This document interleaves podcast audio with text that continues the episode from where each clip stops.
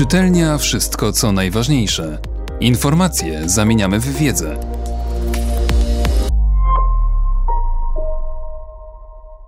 Chantal del Sol Polak, który otworzył nam oczy.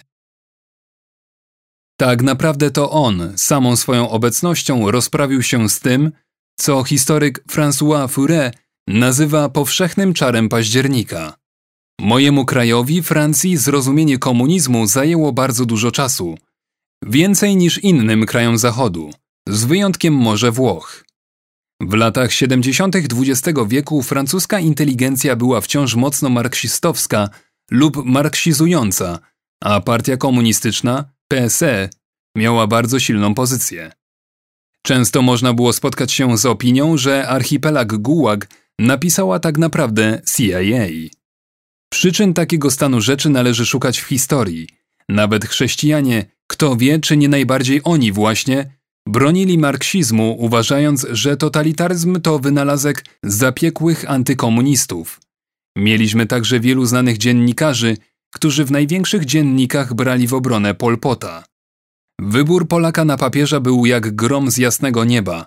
Sądzę, że to Jan Paweł II w dużej mierze otworzył moim rodakom oczy na rzeczywistość komunizmu.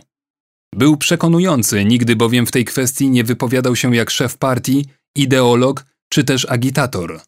Głos Jana Pawła II był głosem mędrca, który sam wiele wycierpiał i który patrzy na rzeczy tego świata z wyrozumiałością i rozwagą. I w ten niezwykle spokojny sposób wskazywał na totalitaryzm jako na wroga. Myślę, że francuscy intelektualiści wyznający ideologię marksistowską zrozumieli rzeczywistość bardziej pod wpływem postawy Jana Pawła II niż pod wpływem argumentów racjonalnych. Zresztą ideolodzy są odporni na jakiekolwiek racje. Wszyscy byliśmy pod wrażeniem jego pielgrzymki do Polski. Czuliśmy fizycznie cierpienie tego społeczeństwa, któremu odebrano wolność i które czeka na wyzwolenie. I za to w pierwszej kolejności pragnę mu podziękować – z podobną rozwagą wypowiadał się także w kwestiach europejskich, odgrywając bardzo istotną rolę w budowie wspólnej Europy. Tak naprawdę to on, samą swoją obecnością, rozprawił się z tym, co historyk François Furet nazywa powszechnym czarem października. Czytelnia Wszystko co najważniejsze. Czytał Mateusz Mleczko.